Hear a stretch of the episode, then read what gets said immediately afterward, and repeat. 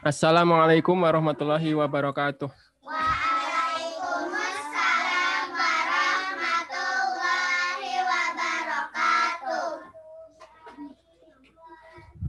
Innal hamdalillah nahmaduhu wa nasta'inuhu wa nastaghfiruh wa na'udzu billahi min sururi anfusina wa min sayyiati a'malina. Man yahdihillahu fala mudhillalah wa may yudlil fala hadiyalah.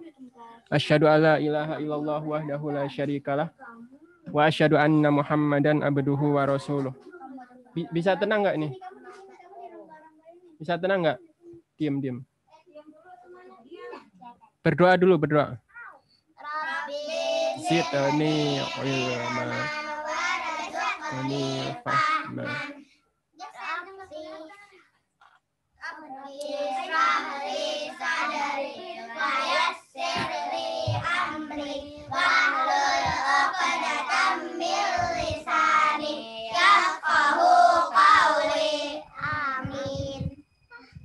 Oke. Kita murojaah lagi ya, murojaah dulu. Sambil ambil abi ringkesin pelajaran-pelajaran yang kemarin nih. Nah, kemarin kan awalnya yang pertama kita belajar tentang iya tujuan hidup. Hidup untuk apa? Hmm, jadi gini. Abi ini dulu ya cerita dulu. Kenapa sih kita penting untuk membahas tujuan hidup gitu? Abi cerita per, permisalan gini. Misalnya ada orang nih, ada orang naik apa ya, naik kereta atau naik bus atau naik angkot gitu. Terus ditanya kan sama orang, kamu mau bapak mau pergi ke mana gitu? Pasti kan dia punya tujuan kan, mau ke mana misalnya ke mau ke Rawamangun atau mau ke ke Kampung Rambutan atau Warung Buncit atau mana gitu. Kan aneh kalau misalnya ditanya, bapak mau ke mana? Tujuannya mau ke mana gitu kan?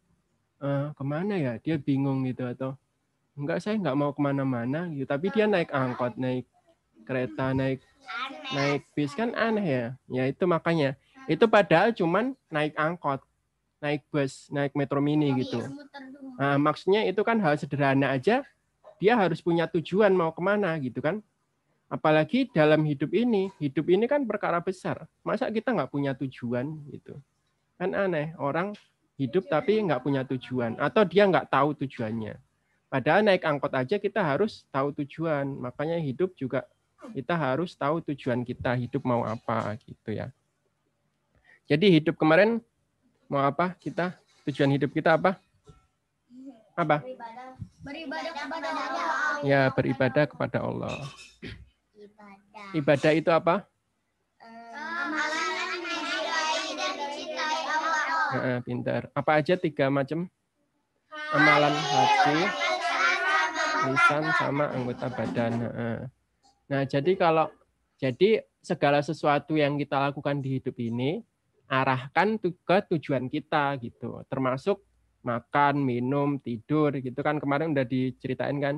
Gimana biar makan bisa bernilai ibadah? Kita niatkan diam dulu. Kita niatkan "Ah, aku makan biar sehat, bi- biar bisa beribadah dengan kuat, dengan bagus gitu ya. Terus aku tidur juga biar nanti bisa bangun subuh, sholat subuh tepat waktu gitu. Jadi niatkan segala sesuatu aktivitas hidup kita ini untuk beribadah, termasuk nanti kalau udah gede kan pada kerja, pada cari uang misalnya.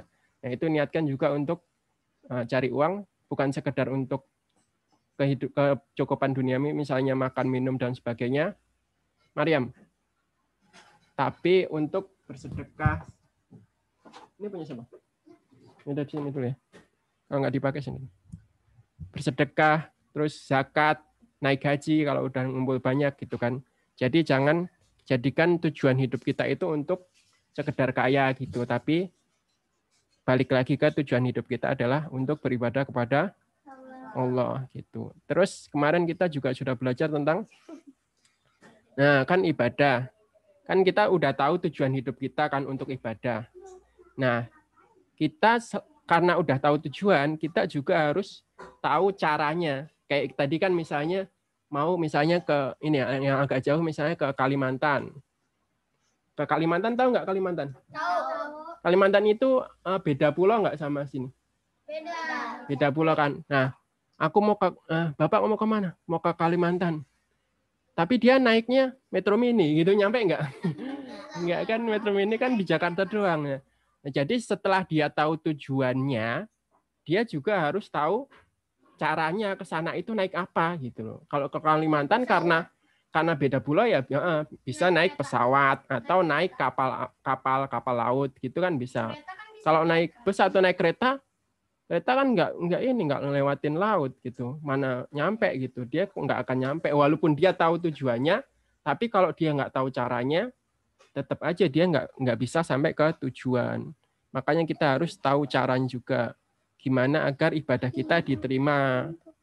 Apa? Kemarin dua dua syarat agar ibadah diterima apa?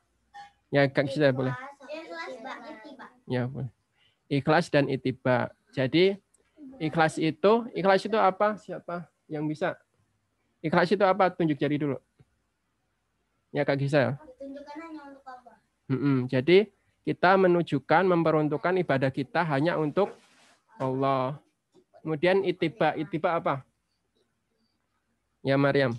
Mengikuti contoh-contoh Rasul. Ya mengikuti contoh tata cara ajaran yang diajarkan Rasulullah SAW. Nah, terus habis itu kemarin kita juga sudah belajar sudah belajar tentang gimana ya biar kan tadi kita udah tahu kalau ibadah kita harus ditujukan hanya untuk Allah dan sesuai dengan tuntunan Rasulullah SAW. Tapi kan tuntunan Rasulullah itu yang seperti apa? Nah, itu kan berarti kita perlu belajar lagi gitu. Gimana agar ibadah kita bisa ikhlas dan biar bisa sesuai dengan tuntunan Rasulullah SAW.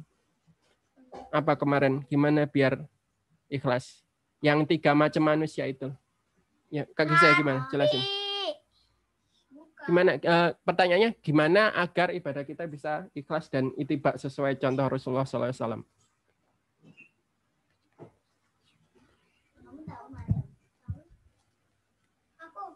Apa? Nah, berilmu, ya berilmu dan beramal. Jadi kita harus berilmu dan beramal. Karena kalau ini harus dua-duanya ya, sama juga kayak tadi ikhlas sama itibak.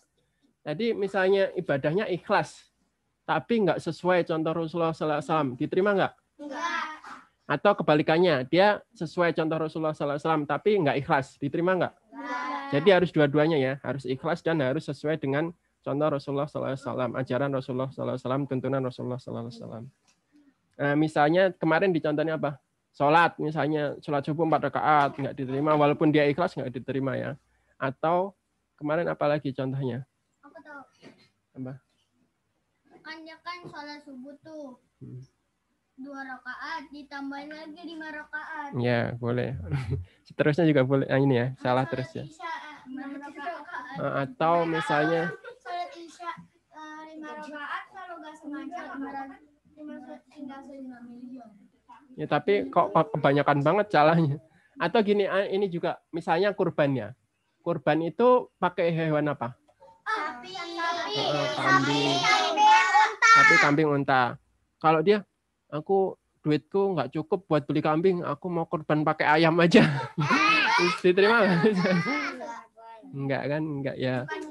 Berarti kalau misalnya dia belum punya uang yang cukup untuk beli kambing, ya berarti dia belum belum disyariatkan untuk berkorban gitu ya. Mungkin harus lebih bekerja lebih keras lagi biar uangnya lebih banyak biar bisa beli kambing untuk kurban. Unta dari mana?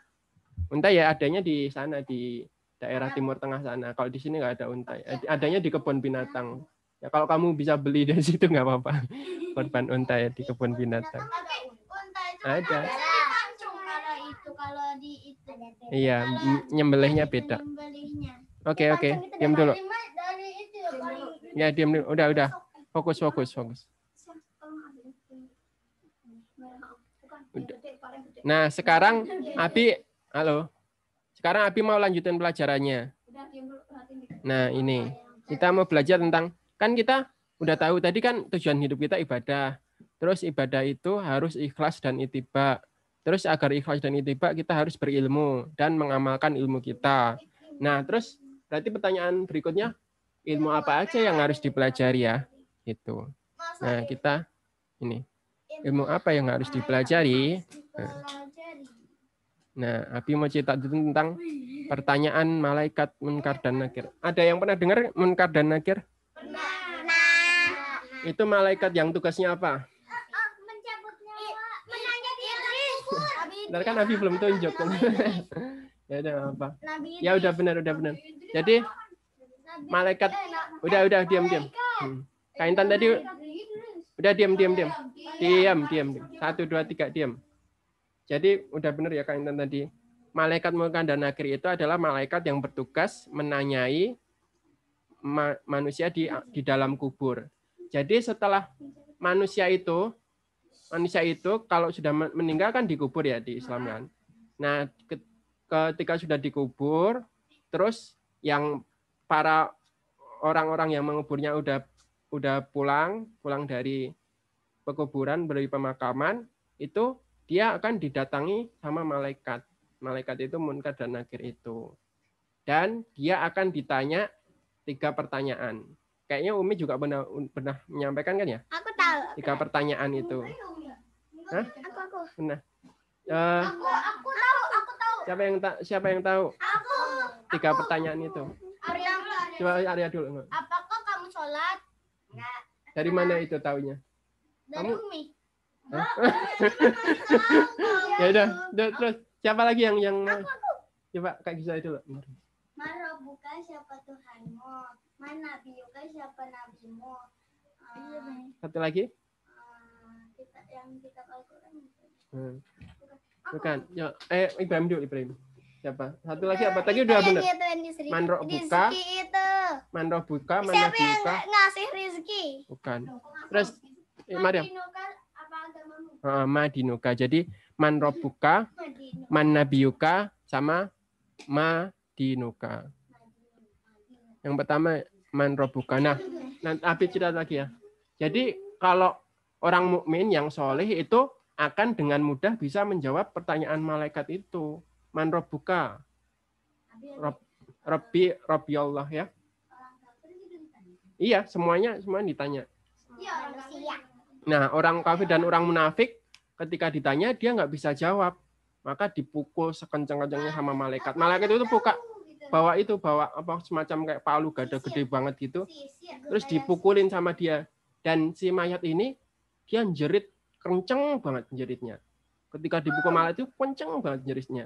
Dan itu bisa didengar oleh siapa aja. Tapi kecuali dua, kecuali manusia sama jin. Jadi kita nggak dengar. Pohon-pohonan, hewan-hewan itu dengar suara malaik suara suara orang yang Berarti digebuk sama malaikat, dia teriak sekencang-kencangnya, itu Itu- dong. itu pada dengar semua. Tapi kita nggak dengar gitu loh. Coba kalau manusia itu dengar, pasti pada tobat semua, pada jadi baik semua kan. Waduh, ngeri juga ya. Itu terus pada udah jadi baik semua. Itulah ujian untuk manusia. Jadi dia nggak dengar, nggak bisa dengar. Malaikat, eh, gitu, hewan, tumbuhan itu dengar sama teriakannya itu. malaikatnya itu Ya, juga Abi kalau lagi ngomong diam dulu ya. Nanti kalau mau nanya nanti, nanti Abi kasih kesempatan nanya. Nah, terus eh, yang pertama tadi kan berarti man buka. Jawabannya kalau orang beriman yang soleh juga apa bisa menjawab. Siapa? Rob, Rob kita siapa? Allah. Allah. Allah Subhanahu wa taala. Yang pertanyaan kedua tadi, man Nabi Yuka. Siapa nabimu? Nabi kita siapa? Nabi Muhammad Muhammad sallallahu alaihi wasallam. Terus yang ketiga, ma ma Siapa? Apa apa kamu? Kalau aga, apa tuh ama ya. Kalau siapa kan man bahasa Arabnya. Kalau apa ma ma madinuka. Apa agamamu? Apa agama kita apa? Agama kita Islam. Nah ini tiga pertanyaan ini yang bisa menjawab. Eh gini gini. Oh, bentar, bentar. diam dulu, diam dulu. Jangan ngobrol sendiri ya. Kalau Abi lagi jelasin jangan ngobrol sendiri. Jadi kan kita udah tahu kan dari sekarang kita udah tahu tiga pertanyaan ini. Oh kalau gitu aku nanti bikin contekan aja nanti kalau misalnya ditanya malaikat tinggal lihat contekan di tangan gitu. Bisa nggak? Nggak bisa. Kan Atau aku apalin dulu, aku apalin bener-bener.